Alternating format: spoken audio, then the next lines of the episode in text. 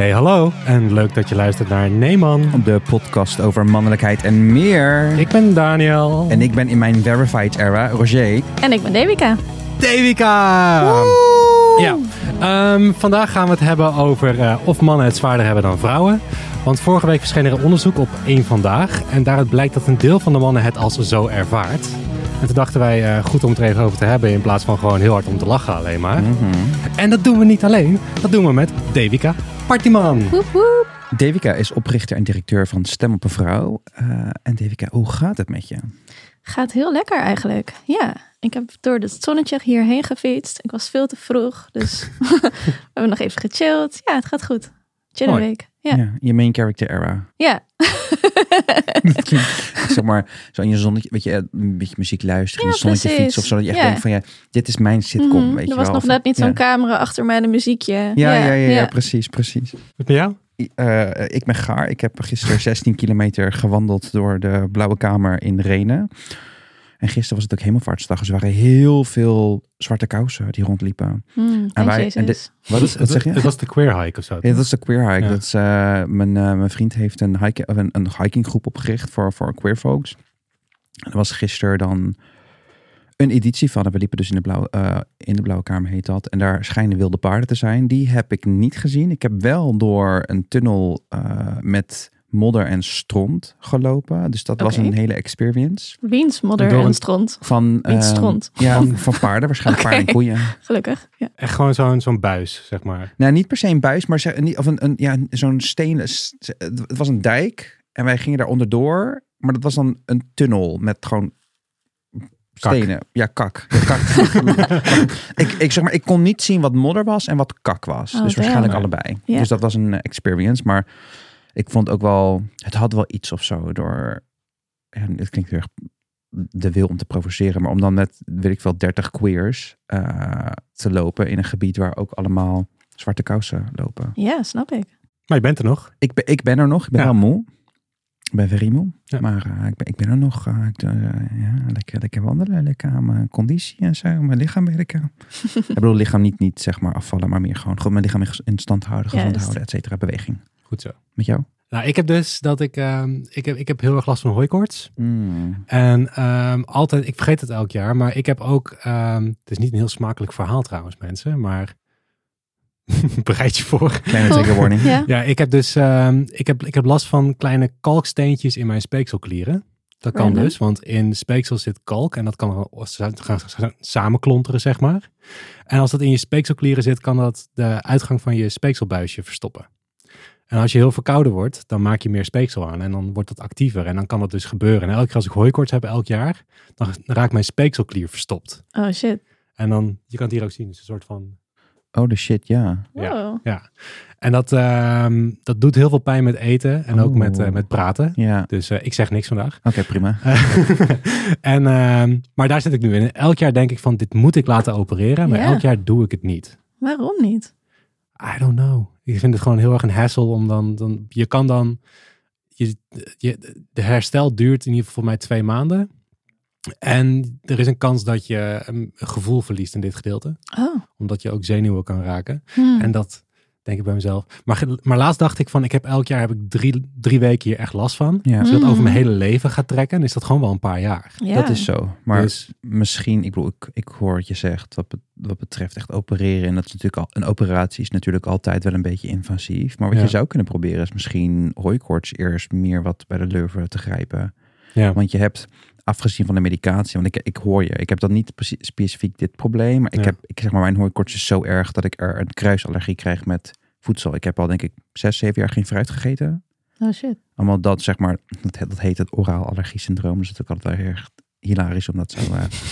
maar in ieder geval, wat mij altijd gezegd wordt, wat ik elk jaar vergeet, is om immunotherapie te beginnen. En dan heb Ja, je dat heb gewoon ik ook een, gedaan. Oh, dat heb je, dat heb je al gedaan? ja, dat werkte niet. Oké.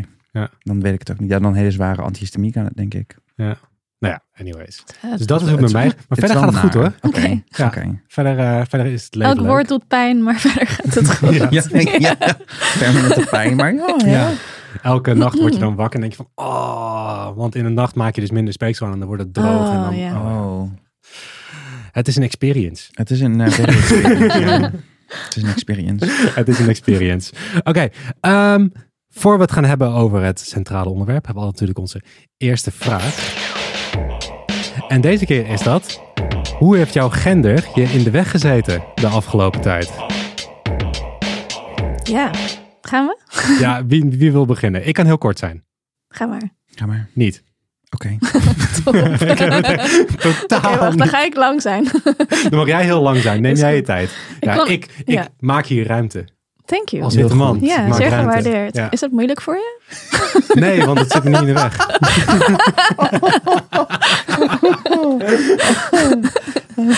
Nee, zeer gewaardeerd. Ehm, ik zie ook dat hij dat doet en zo. nee, goed. Ik kon echt niks verzinnen, maar ik heb er toch één. Oké.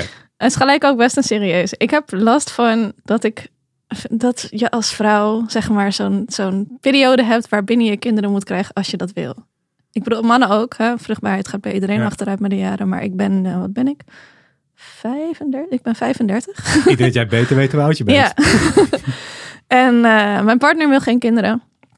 En eh, ik twijfel daar nog over. Dus Oh ja. ik vind het best wel... Oh, de laatste tijd heb ik het weer even moeilijk mee. Ja, Ja. meestal ben ik fijn. Dan denk ik, oké, nou ja, dit, dit is oké. ik kom er wel overheen. En af en toe denk ik weer even, oh shit, eh, kon ik dit maar. En toen heb ik laatst ge- opgezocht van, kan je eigenlijk, hoe werkt dat met eitjes invriezen en zo? Ik dacht, laat Ja. ik daar toch maar eens induiken. En er is echt een wachtlijst van echt bijna een jaar. Dus Wow. Wow. ja, Dus dan moet je daar ook al snel over beslissen. Of je dat wel of niet wil. nou ja, ik heb me gewoon opgegeven. Ja. van, ik wil dit. En dan pas als je plek op de wachtlijst er is, dan pas ga je de molen in. Dus dan is het ook niet binnen een week, want dan ga je eerst praten en Ja. bla bla bla. Dus het is een whole thing.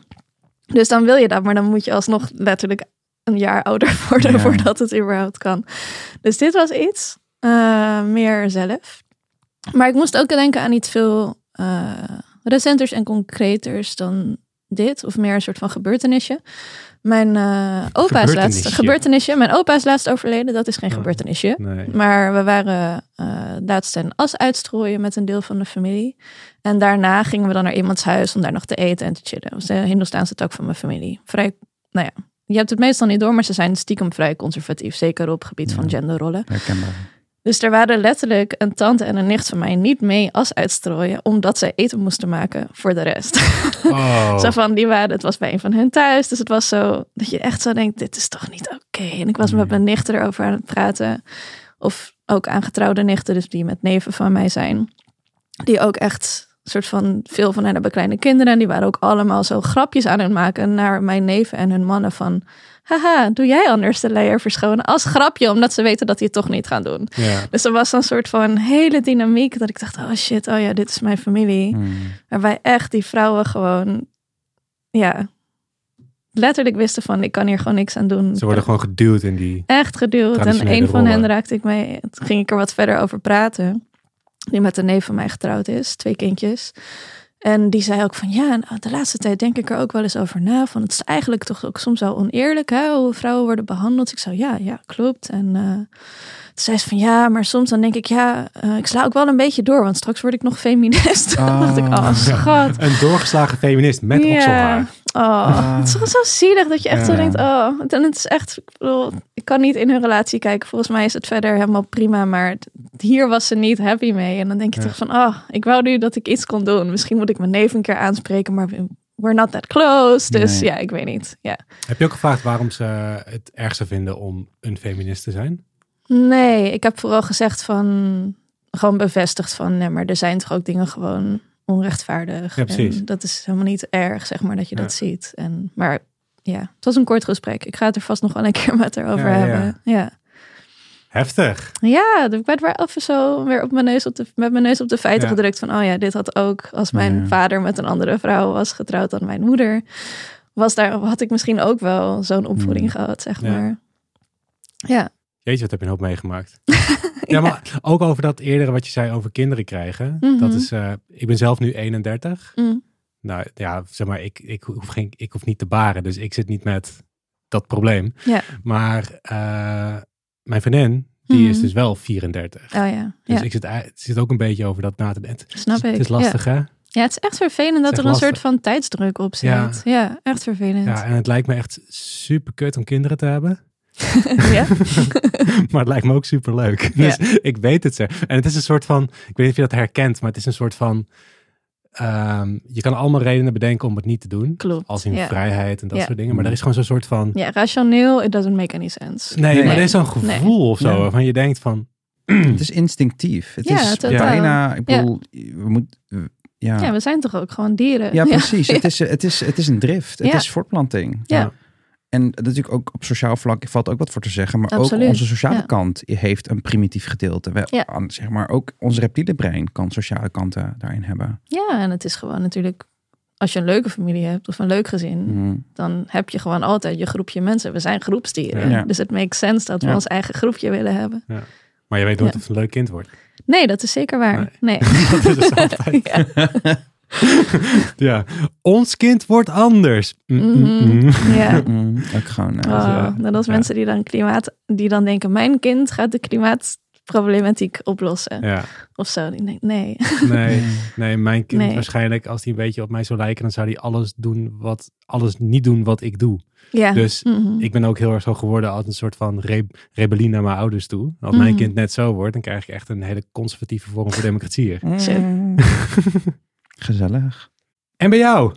Bij mij. Ik heb een klein concreet voorbeeld en een wat meer groter algemeen voorbeeld. En ik begin met het grotere algemeen voorbeeld. En dat is meer... Van groot naar klein. Ja. Dat is goed. Ja. Ehm, ik voel me soms met gender in de weg zitten. Op een, niet letterlijk in de weg zitten, niet direct, maar meer.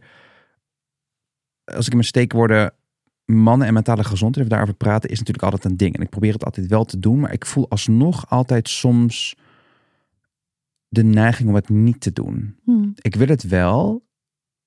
En ik weet dan niet per se of het aan mijn gender ligt dat ik het niet wil doen. Of dat ik, dat ik die neiging voel. Of, of die, ja, die drift of zo. Omdat ik dan ook weer tegelijkertijd denk van... Ja, maar met je, je ment, over je mentale gezondheid praten is kwetsbaar. Straks gaan mensen dat als wapen inzetten of zo. Weet je, kan je beter niet doen. En dan, dat is zeg maar de redenering in mijn hoofd. Maar dit soort dingen over gender, dat gaat natuurlijk ook heel vaak onderbewust of onbewust. Dus dan vraag ik me af, heeft dat daarmee te maken? En dan voel ik ook weer tegelijkertijd een soort druk dat ik het weer wel zou moeten doen, omdat ik mezelf altijd neerzet als iemand die bepaalde verwachtingsstructuren eh, wil doorbreken. Dus als queerman van kleur, dat ik bepaalde, weet je, je, val, je valt niet binnen bepaalde hokjes of zo. Eh, weet je, al heel vroeg queer zijn. Dat je dan al meteen afgestoten wordt, om het zo te zeggen. En dus beschouwd wordt als iemand die niet voldoet aan verwachtingen en abnormaal is. Dus dan denk ik bij mezelf, ja, ik zeg het ja, en ik, ik voel me vrijer op een bepaalde manier daardoor. Maar tegelijkertijd voel ik ook een soort druk om die voorbeeldfunctie dan weer neer te zetten. Dus in dat opzicht zit mijn gender, zit mijn progressieve blik op mijn gender, maar ook weer in de weg. Omdat het dan Mm. ook weer een soort druk is die oplegt in plaats van ik wil gewoon zijn. Echt, let me just vibe. Mhm. Dus dat. En mijn kleine voorbeeld is dat, aangezien we het hebben over kinderen, mijn zusje is vorige week eh, bevallen van, Oh, eh, van, van een dochter. En het was echt. Oom Rocher. Ja, maar dat is het ding dus. Oh. Ehm, ik werd volgens mij mijn moeder of mijn vader of zo, die zei ja, oompie Rocher. En iets stoot me tegen oom Rocher. Oh shit. Ik voel me, ik, ik identificeer me als man. Ik Mhm. voel me op zich wel prima in dat hokje. Ook al denk ik van ja, wat ik het zelfbeeld bij mijn hand, ik ook al niet per se denk. Ik heb ook anderhalf jaar terug of zo hebben we ook wel eens een keer over gehad. Dat ik Ja. dacht van hm, ben ik nomineer of ben ik deels nomineer. Maar oom of oompie Roger klinkt dan weer zo. Daar heb je ook eigenlijk wat ik eerst had met het woord man, dat heb ik ook weer met het woord oom. Er zit een Mhm. bepaald beeld bij, een bepaald oom Ja. klinkt voor mij en het is puur voor mij, maar het associatief is het hetero, eh, weet je wel, heel erg dat standaard beeldje. En dat ben ik niet. Dus ik voel me Mhm. er ook niet comfortabel bij. En in het Hindoestaans heb je natuurlijk dat ik als broer van mijn zus zou haar dochter mij mama moeten noemen. Mhm. Maar dat vind ik ook weer dan, want ik vond het zelf altijd vroeger verwarrend toen mijn neefje en mijn nichtje mijn vader mama moesten noemen. Ja, ja, ja. Dus dat wil ik dan ook weer niet. Dus Mhm. dan Is dat een soort non-binaire aanduiding van... Nee, nee, het is gewoon echt Hindoestaans meer. Dus je hebt Oh. ehm, voor. Het zijn, je hebt een veel groter vocabulaire. Dus bijvoorbeeld eh, mijn oma, dus de, de moeder van mijn vader, die noemde ik Aji. En de vader van mijn vader zou Aja zijn geweest. Dus meer gewoon Hindoestaan Oh, ja. Hindi of Ja. Sarnami voor... Ja. Sarnami is zeg maar Hindi geëvolueerd in Suriname. eh, voor oma. Maar voor de moederskant van de familie is dat weer anders. Dus ehm, mijn moeder is dan wit, maar stel mijn moeder was ook in de staats geweest, dan haar moeder zou ik Nani hebben genoemd en haar vader zou ik Nana hebben genoemd. Dus Oh, ja. er zijn, het, het vocabulaire is groter voor familieaanduiding op basis van ook dan de gender. Ja, En stel ik was een vrouw geweest, dan had mijn eh doch, mijn nichtje, mij Mausi moeten noemen. En, bijvoorbeeld, en mijn aangetrouwd dan Mausa. En dan mama is dan eh, ik als man van, dus de, de broer van mijn zus. En dan aangetrouwd zou dan mami zijn als het dan ehm, hetero is. Maar Mausa klopt dan niet. Maar ik dacht bij mezelf, nou, ik vind op zich wel iets zelf op bedenken. Dus toen dacht ik Maus, dus meer Hm. afgekort of iets. Dus dat eh, ben ik nog even Oh, mee aan het spelen. Maar dan kijkt, kijkt iedereen weer een beetje van, mm, moet je weer raar doen? Of moet je weer apart doen? Ze wennen er wel aan. Nee, nee, Ja. precies. Dat is ook zo. En ik, maar heb- ik snap je wel. en ik pak, ik pak die ruimte ook. Want dat is natuurlijk hoe Mhm. zij mij gaat aanduiden. Maar ik, Ja. het stoot me het woord oompie of zo. En ik denk, nee, nee. Ja. Oom Roger, nee. Is of er oom überhaupt Roger, een, of ja. is er een aanduiding wat niet oom of tante is voor de rol van een oom of tante? Zeg maar dus een non-binaire aanduiding. Net zoals met Niet neef en nicht is volgens mij ook Nee. niet, toch? Nee. Nee. In het, in het Engels heb je natuurlijk altijd cousin Ja. Ja. eh, voor gelijk. Maar Ja. bijvoorbeeld, en dan heb je nephew en niece voor als het dan gaat. Bijvoorbeeld mijn niece in het Engels. Ja. Maar daar is dan ook weer geen gendervrije aanduiding voor. Nee. En oom en tante ook niet. Hmm. Maar ja, daar, daar liep ik wel een beetje eh, Ja, in snap de... ik. Ja, nou, als je een nieuw woord bedenkt, dan Nee, kunnen we hem precies. introduceren aan de rest van de wereld. Ja, nee, precies. Maar dat op die manier, ja, dat ik dacht, ik, ik, mijn gender loopt niet per se in, in de weg of zo, maar dat soort associaties of zo van mijn man. Ik identificeer hem als man, maar ik wil dat loskoppelen van hoe de rest naar de wereld naar mannen kijkt. Ja, en dat je het niet de hele tijd man genoemd hoeft te worden Ja. door de buitenwereld. Ja. Ja. Voor mij is gender altijd een ding. Ik- Wat ik zeg, ik voel, ik voel me niet per se non-binair of zo, of, of bepaalde dysforie of euforie bij andere dingen. Mhm. Maar gender is voor mij altijd al een kwestie geweest van from the outside looking in. Ik kan prima over gender praten. We gaan het hier over hebben. Kan, ik kan fantastisch eenmaal du- duidend en over denken. Maar bij mezelf, ik denk dan niet van dit gaat ook over mij. Mhm. Misschien omdat ik al heel, veel, heel, vanaf heel vroeg af aan eh, werd weggezet als niet een echte man door queer zijn of zo. Ja. Ja, precies. Ehm, Mhm. Maar ja, Zullen we doorgaan? we gaan door. We gaan door. Zoals Lotte, Lo- zoals Lotte van Eyck zou zeggen, we moeten door, schat.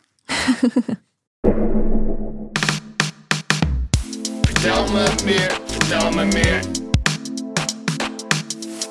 Vertel me meer, vertel me meer. Vandaag gaan we het hebben over een onderzoek dat eh, verscheen eh, in een vandaag, waar het bleek dat mannen het zwaarder hebben dan vrouwen, vinden ze zelf. Dus zij ervaren dat zij een, op, dit moment in de, eh, op dit moment in de tijd een zwaardere positie hebben of het erger hebben in de samenleving ten opzichte van vrouwen. Ehm redenen hiervoor voor hun waren dat ze bijvoorbeeld in de media en politiek, dan lijkt het alsof de witte hetero man de schuld van alles is. MeToo heeft ervoor gezorgd dat deze mannen zich verkrampt voelen. Ehm, witte mannen hebben het gevoel dat ze geen gesprek meer kunnen voeren met mensen van minderheidsgroepen eh, zonder weggezet te worden als de witte man die het toch niet snapt. En meer van, eh, van dat soort eh, redenen. Devika, wat was jouw eerste gedachte toen je deze resultaten en de duiding daarvan zag? Eh, nou, denkbeeldig met mijn ogen rollen. Ja. Ja, dat was denk ik de sterkste. Echt zo oh jezus. Gewoon, Again, a fucking again. ja, serieus. Gewoon, ja, ik snap dat het een mening is, maar waarom is dit je mening? Gewoon, het is de, heb je nog nooit nagedacht over ongelijkheid? Gewoon, Ja. ja, echt. Is het dan ook je- Irritatie. is het ook voor jou door eh, de strijd die je eigenlijk gewoon dagelijks voert, dat je denkt van, zie je dit weer en denk je van, oh my god. Ja, je moest eens weten. Gewoon, ze moesten eens weten. Ja. Toch? Een soort van het zwaar hebben. Ja, ieder individu kan het zwaar hebben. Maar goed, het gaat even niet over individuen. Maar als groepen, jeez, de, de shit waar vrouwen mee moeten dealen. Ja. Om maar even damn honey taalgebruik te gebruiken. Ja.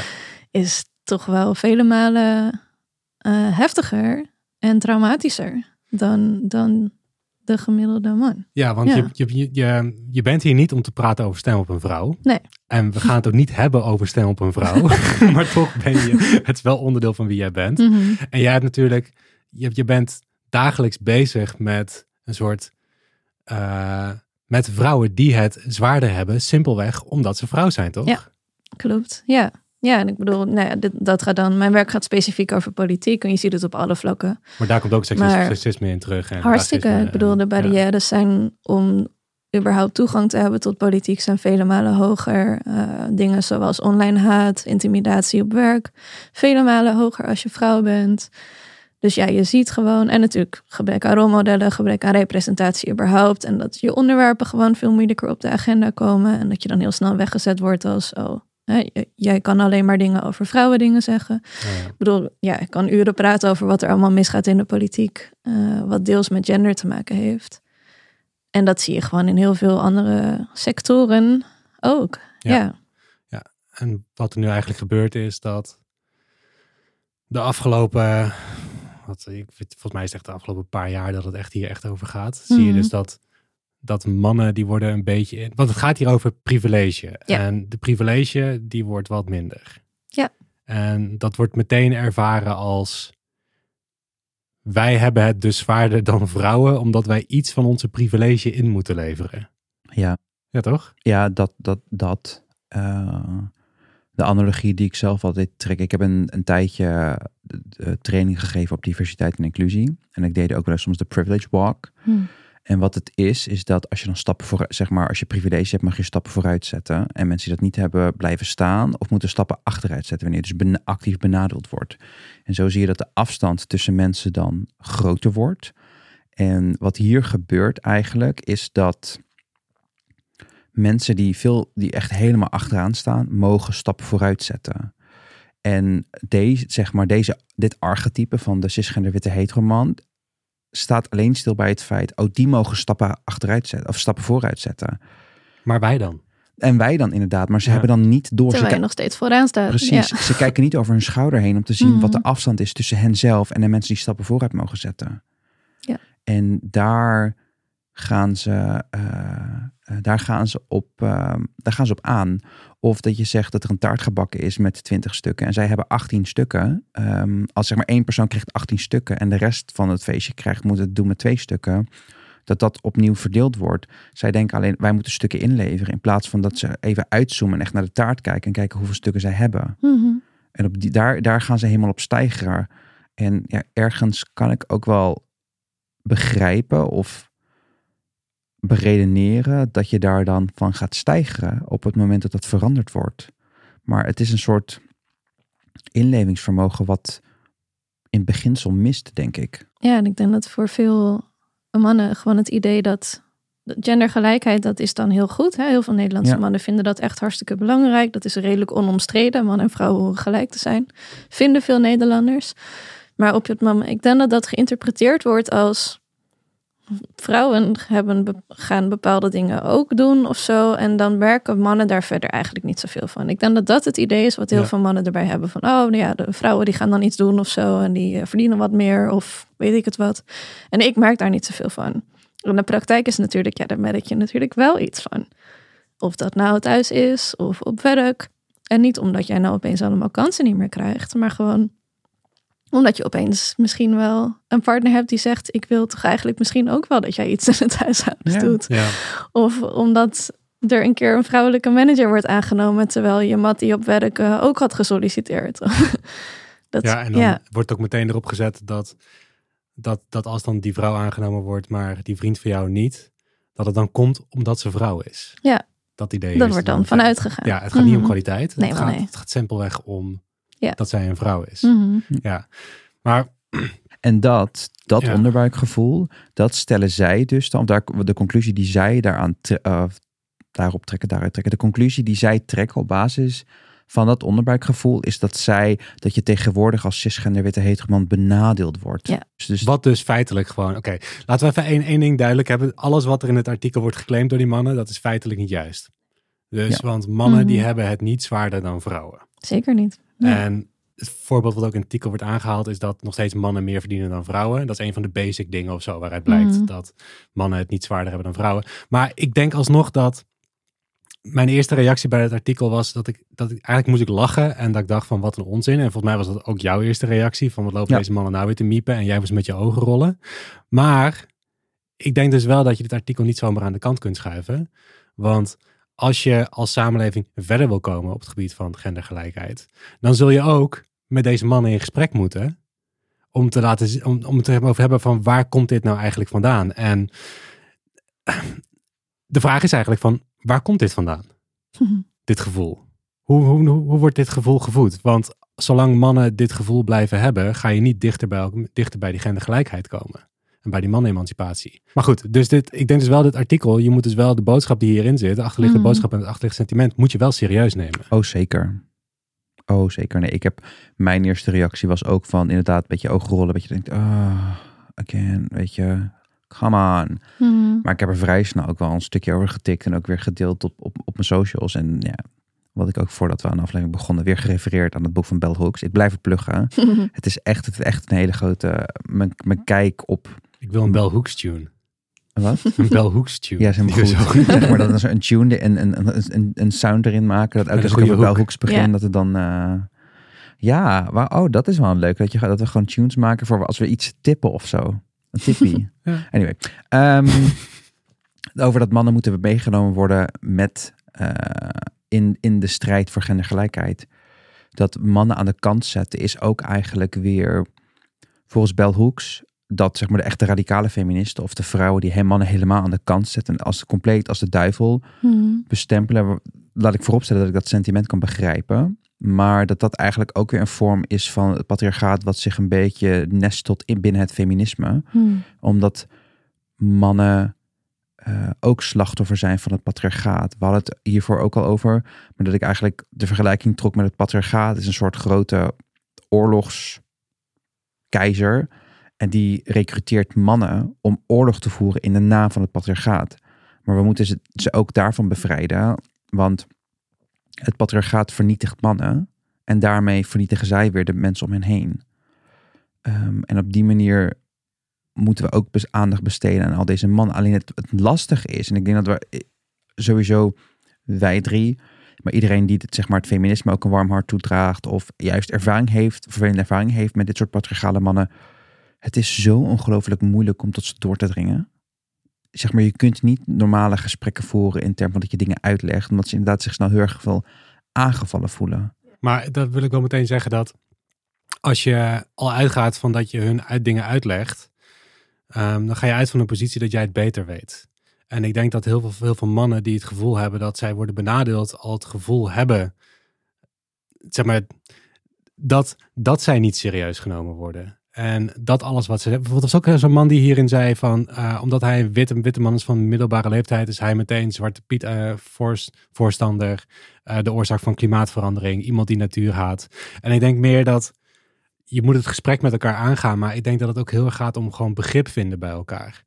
En dat het niet per se gaat over dat je hun wil gaan uitleggen van hoe het nou daadwerkelijk zit. Want ik denk dat je daarmee alleen maar meer die afstand alleen maar groter maakt. Ja, maar ja, wat zo iemand eigenlijk zegt, is diegene kan zich blijkbaar niet lostrekken van de groep.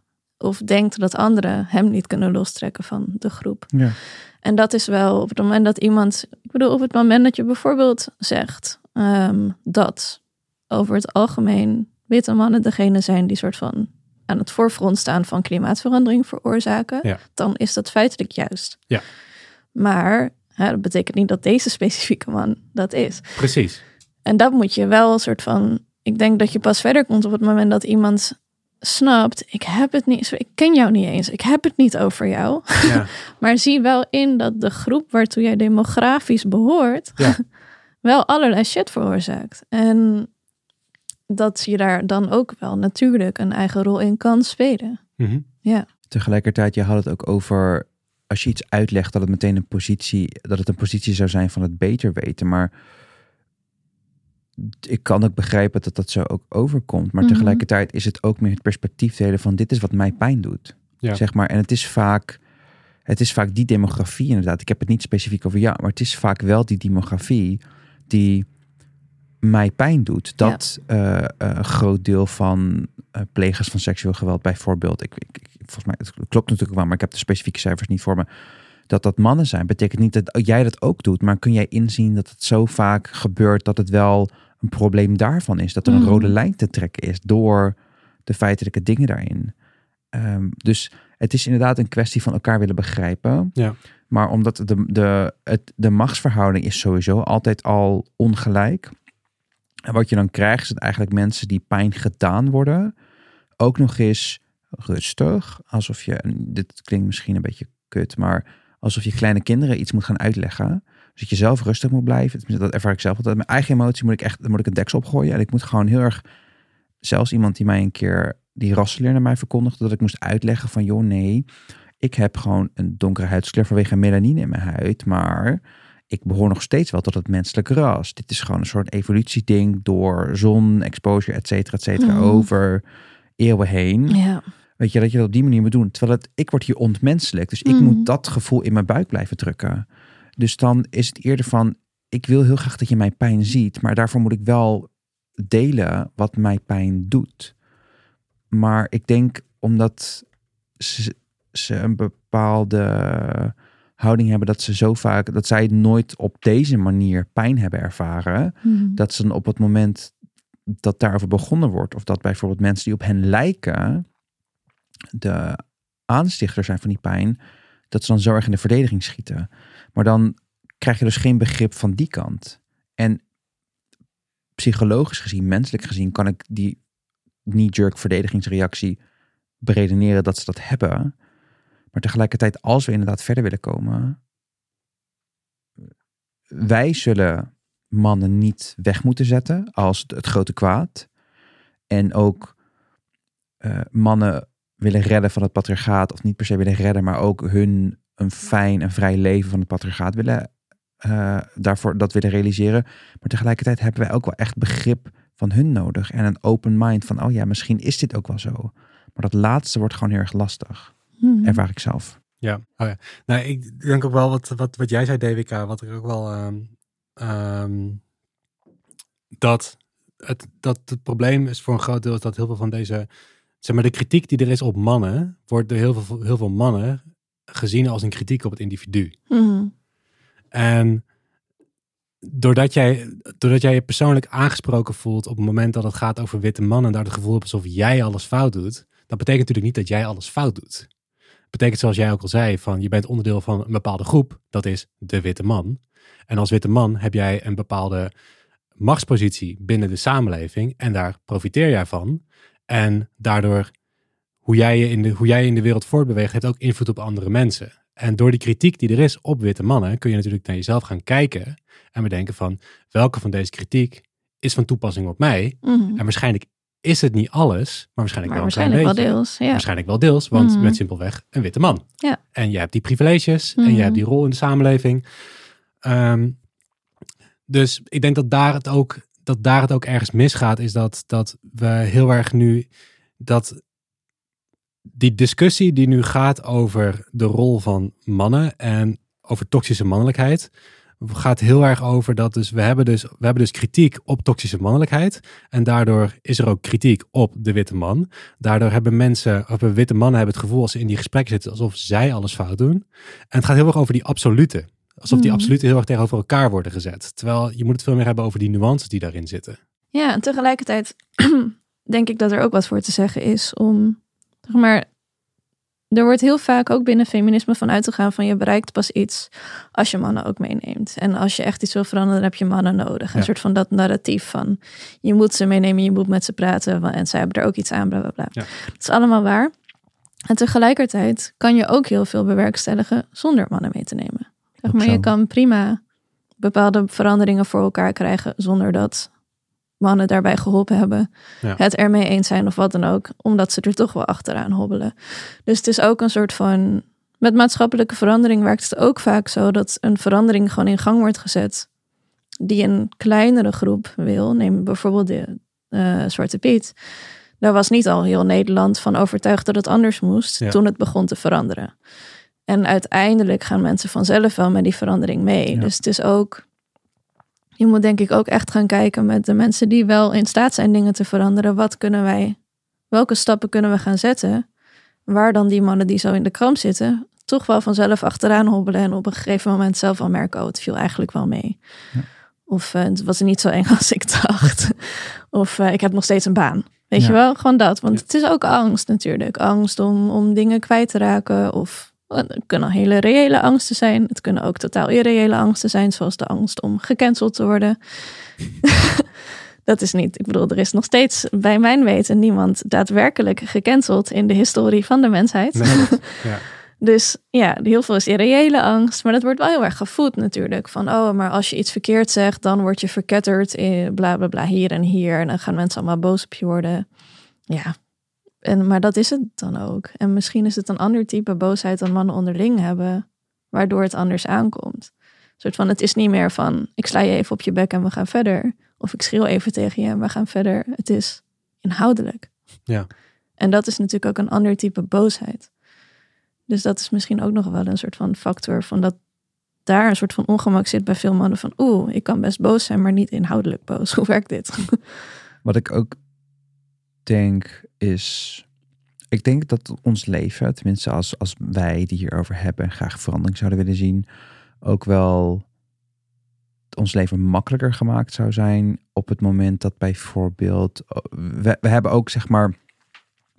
Als we het eventjes in een soort savior-constructie willen gaan illustreren. Kijk, wij, wij, wij willen dit. Wij willen deze verandering. En we willen dan ook deels mannen meenemen. Maar ook inderdaad, voor sommige dingen heb je mannen niet nodig. En die hobbelen wel achteraan.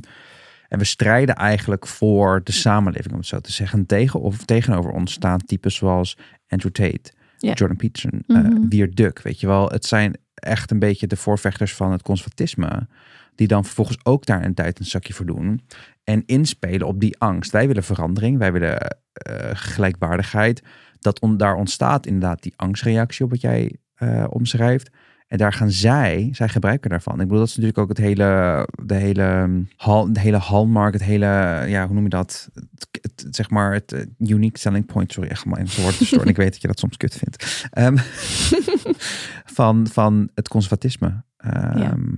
Om daarop in te grijpen. Of, eh, en, en ook een beetje populistische partijen en zo. Ja, en wat ik wel echt zorgelijk vind, conservatisme was vaak iets van mensen die wat ouder zijn. En Ja. het is nu juist steeds meer iets van jonge mensen Ja. ook. Ja. Want dit soort mannen, de Tates en de Petersons van de wereld en de, de Baudets, en spreken heel veel jonge mannen aan. En, en ook wel jonge vrouwen. Dus dat is echt wel, er is een hele, opeens een groep van twintigers en tieners die super conservatief gedachtegoed hebben. En die echt nog zo kwetsbaar zijn in hun denken en beïnvloedbaar dat dat echt lastig wordt om dat er Ja. weer uit te krijgen. Dus dat is, ja, dat vond schrok ik in dat opiniepanel dan wel weer van, van shit, vooral het zijn jonge- toch ook weer jonge die jonge mannen die Ja. dit zo zeggen. Met nog eigenlijk nauwelijks maatschappelijke ervaring over waar ze dan precies in benadeeld worden. Dus het is echt puur gevoel. Ja, er was ook. ehm, er was in de Volkskrant was er een artikel verschenen over ehm, jongeren die fan waren van Andrew Tate en waarom ze dat waren. En volgens mij was ook in diezelfde week was er ook een talkshow geweest. Ik weet niet meer welke talkshow het was, maar daar werden drie jongeren eh, die eh, voorstander waren van Andrew Tate, werden daar gevraagd over waarom ze dat zijn. En volgens mij was ook Jens van Tricht daar, Hmm. om een soort tegengeluid te geven. Lekker omdat ze lekker tegen elkaar te clashen, weet je wel. Ja, dat, dat, dat, dat, dat is hoe je goede, goede tv krijgt. ja, dat is de talkshowwereld. Ja. Ja. Talkshows moet je niet voor hebben om je te laten informeren. Maar ik ben, het zal jullie niet verbazen, ik ben geen voorstander van Jordan Peterson en Andrew Tate. Maar ik snap wel de aantrekkingskracht van Jordan Peterson en Andrew Tate. Want als je nu kijkt naar hoe de sociale afbraak in onze samenleving is geweest de afgelopen tien jaar. Hmm. ehm, dat het oprecht voor jonge mensen moeilijker is om zich een positie in deze samenleving te verwerven. En ook een fatsoenlijk inkomen te krijgen en eventueel een woning te kopen en allemaal dat soort dingen. En dan heb je dus twee van dit soort mannen die zo erg eh, ehm, focussen op dat je de controle kunt hebben over je leven. En dat je ook gewoon goed je geld kan verdienen. Dat je zelf een soort van je eigen succes heb je zelf in de hand. Hmm. Dat is basically wat zij zeggen. Dat die controle bij een Andrew Tate zo ver doorgaat dat er vervolgens ook vrouwen iets zijn wat je kunt controleren en dat je daar alles mee mag doen wat je wil. Daar hebben heel veel jongeren het niet over. Maar die, die boodschap zelf van die controle, daar is denk ik zelf niks mis mee. Dat het zo wordt doorgetrokken door hun en zo ver gaat, daar is heel veel mis mee. Maar daar zou je ook best met deze jongeren over kunnen praten. Hmm. Zeg maar, controle aan zich is niet iets slechts. Je moet wel in gedachten houden, als het je niet lukt, is het niet per se jouw schuld. Want je hebt ook sociale structuren waar je mee te maken hebt. En je hebt niet alles onder controle. En wie jij bent eh, bepaalt heel erg wat je kansen zijn in, samen, in, eh, in deze maatschappij. Hmm. Maar ik weet niet zo goed wat mijn punt is. ik zit Nou hier ja, gewoon een soort van te, te ik praten. denk dat je punt was, voor zover ik het hoorde, dat je gewoon zei van, ik kan wel begrijpen dat mensen die echt even niet zo goed weten hoe een toekomstperspectief eruit ziet. Als dan iemand zo'n boodschap iemand heeft van... een succesvol iemand die Ja. beroemd is, een Hmm. soort van rolmodelfunctie voor jou vervult van, kijk, deze persoon zegt, je kan het. En Ja.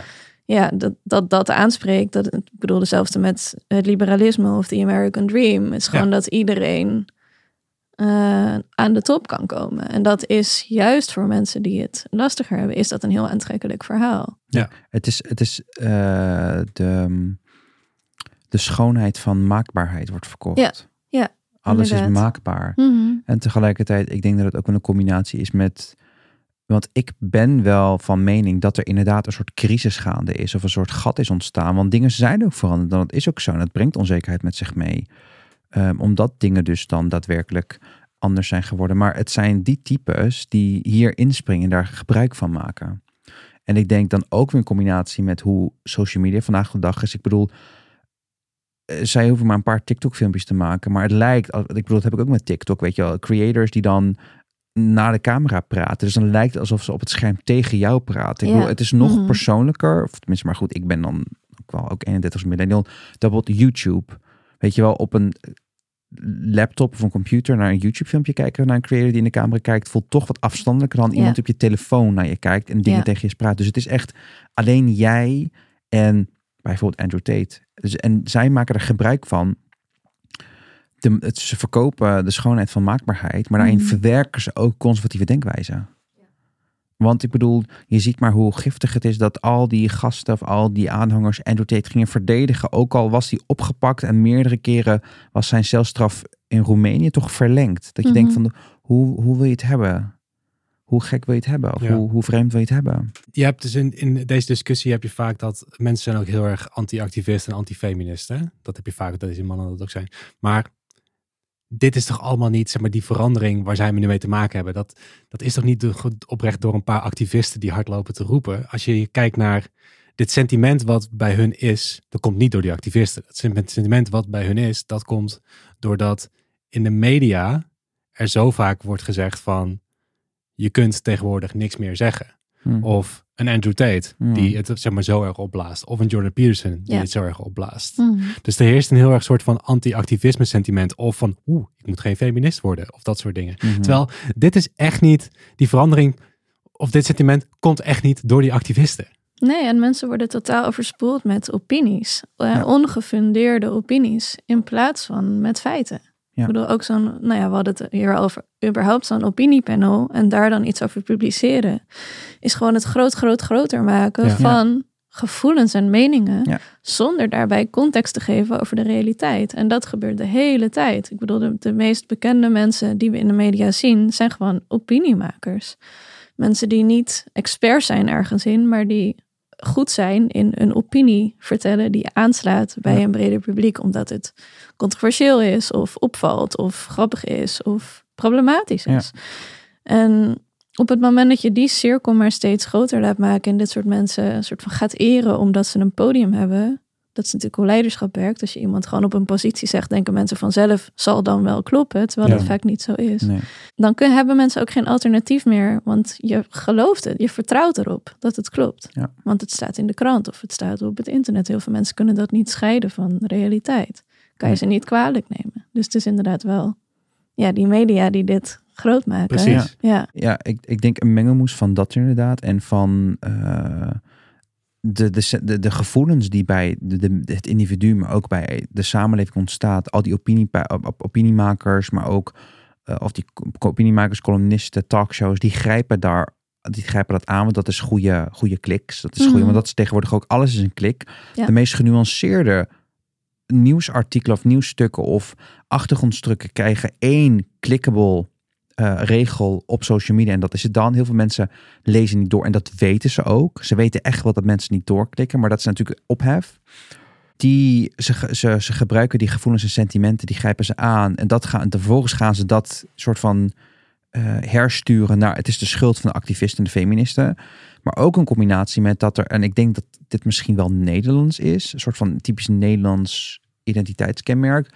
Is eh, in het midden blijven hangen en redelijkheid is heel aantrekkelijk en heel lekker. Ja. Zeg maar, blijf maar gewoon. Want dat is ook die, die, die talkshows zorgen voor een soort vals midden door twee op het extreme tegen elkaar over te zetten.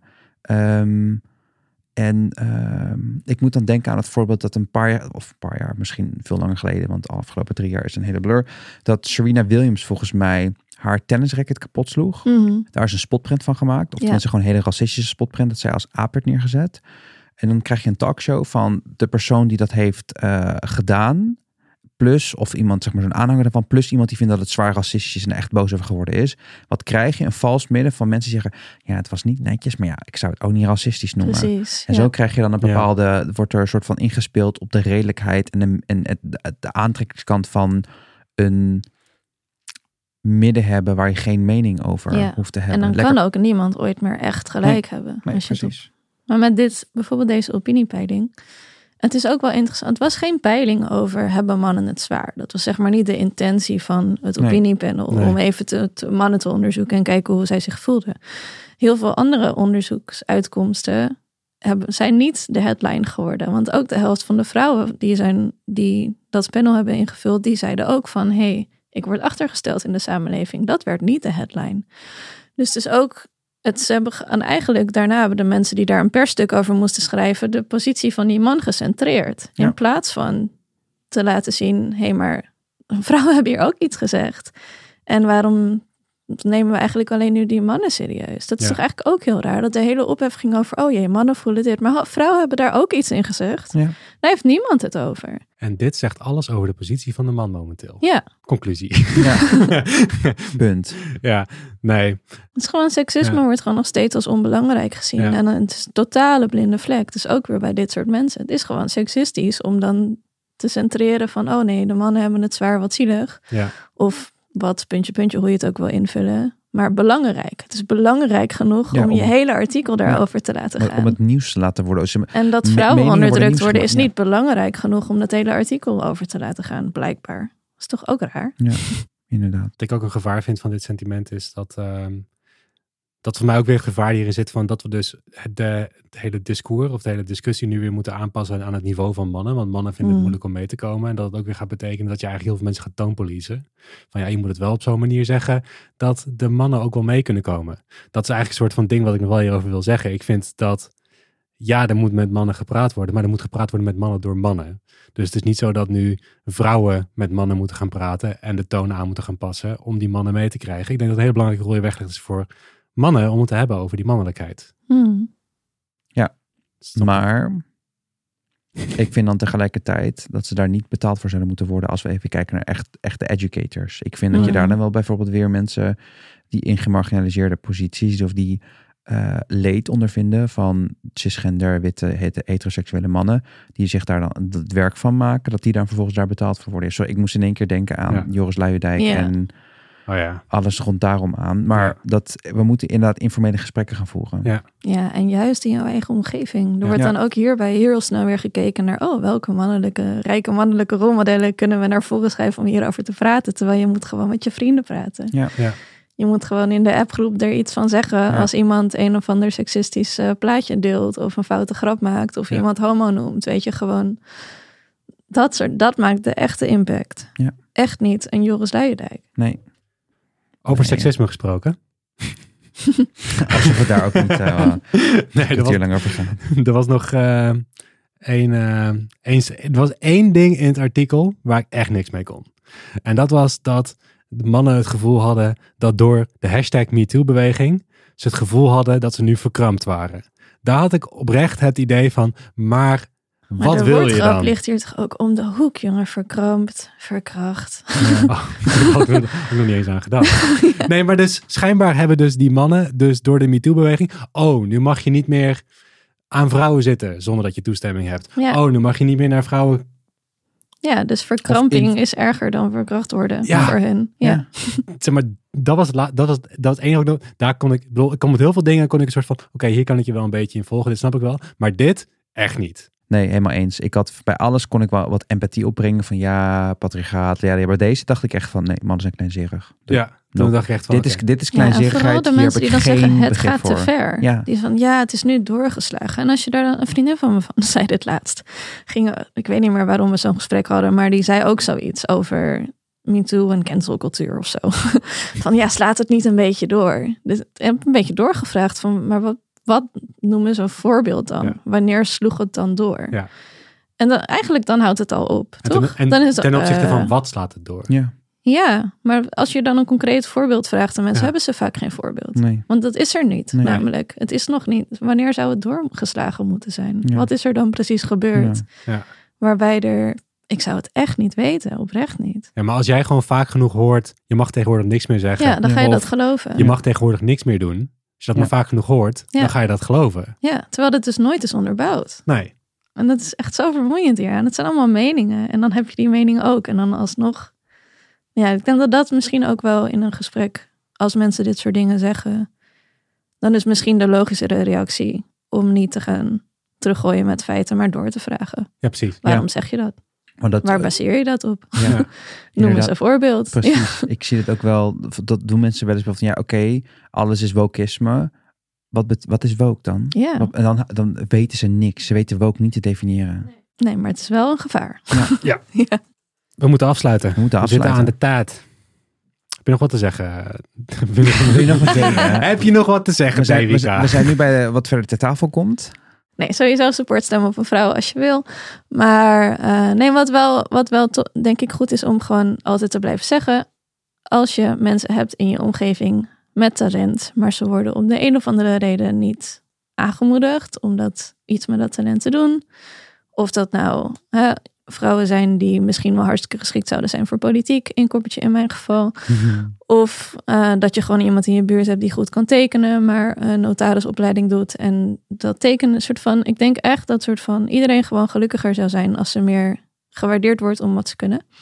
Dus dat helpt in mijn geval bijvoorbeeld heel concreet. Als we tegen vrouwen en meisjes zouden zeggen: Goh, jij bent eigenlijk, je kan hartstikke goed discussiëren. Of goh, wat zei je dat goed? Is de politiek niet iets voor jou? Is een goed voorbeeld, maar dat kan op alle vlakken.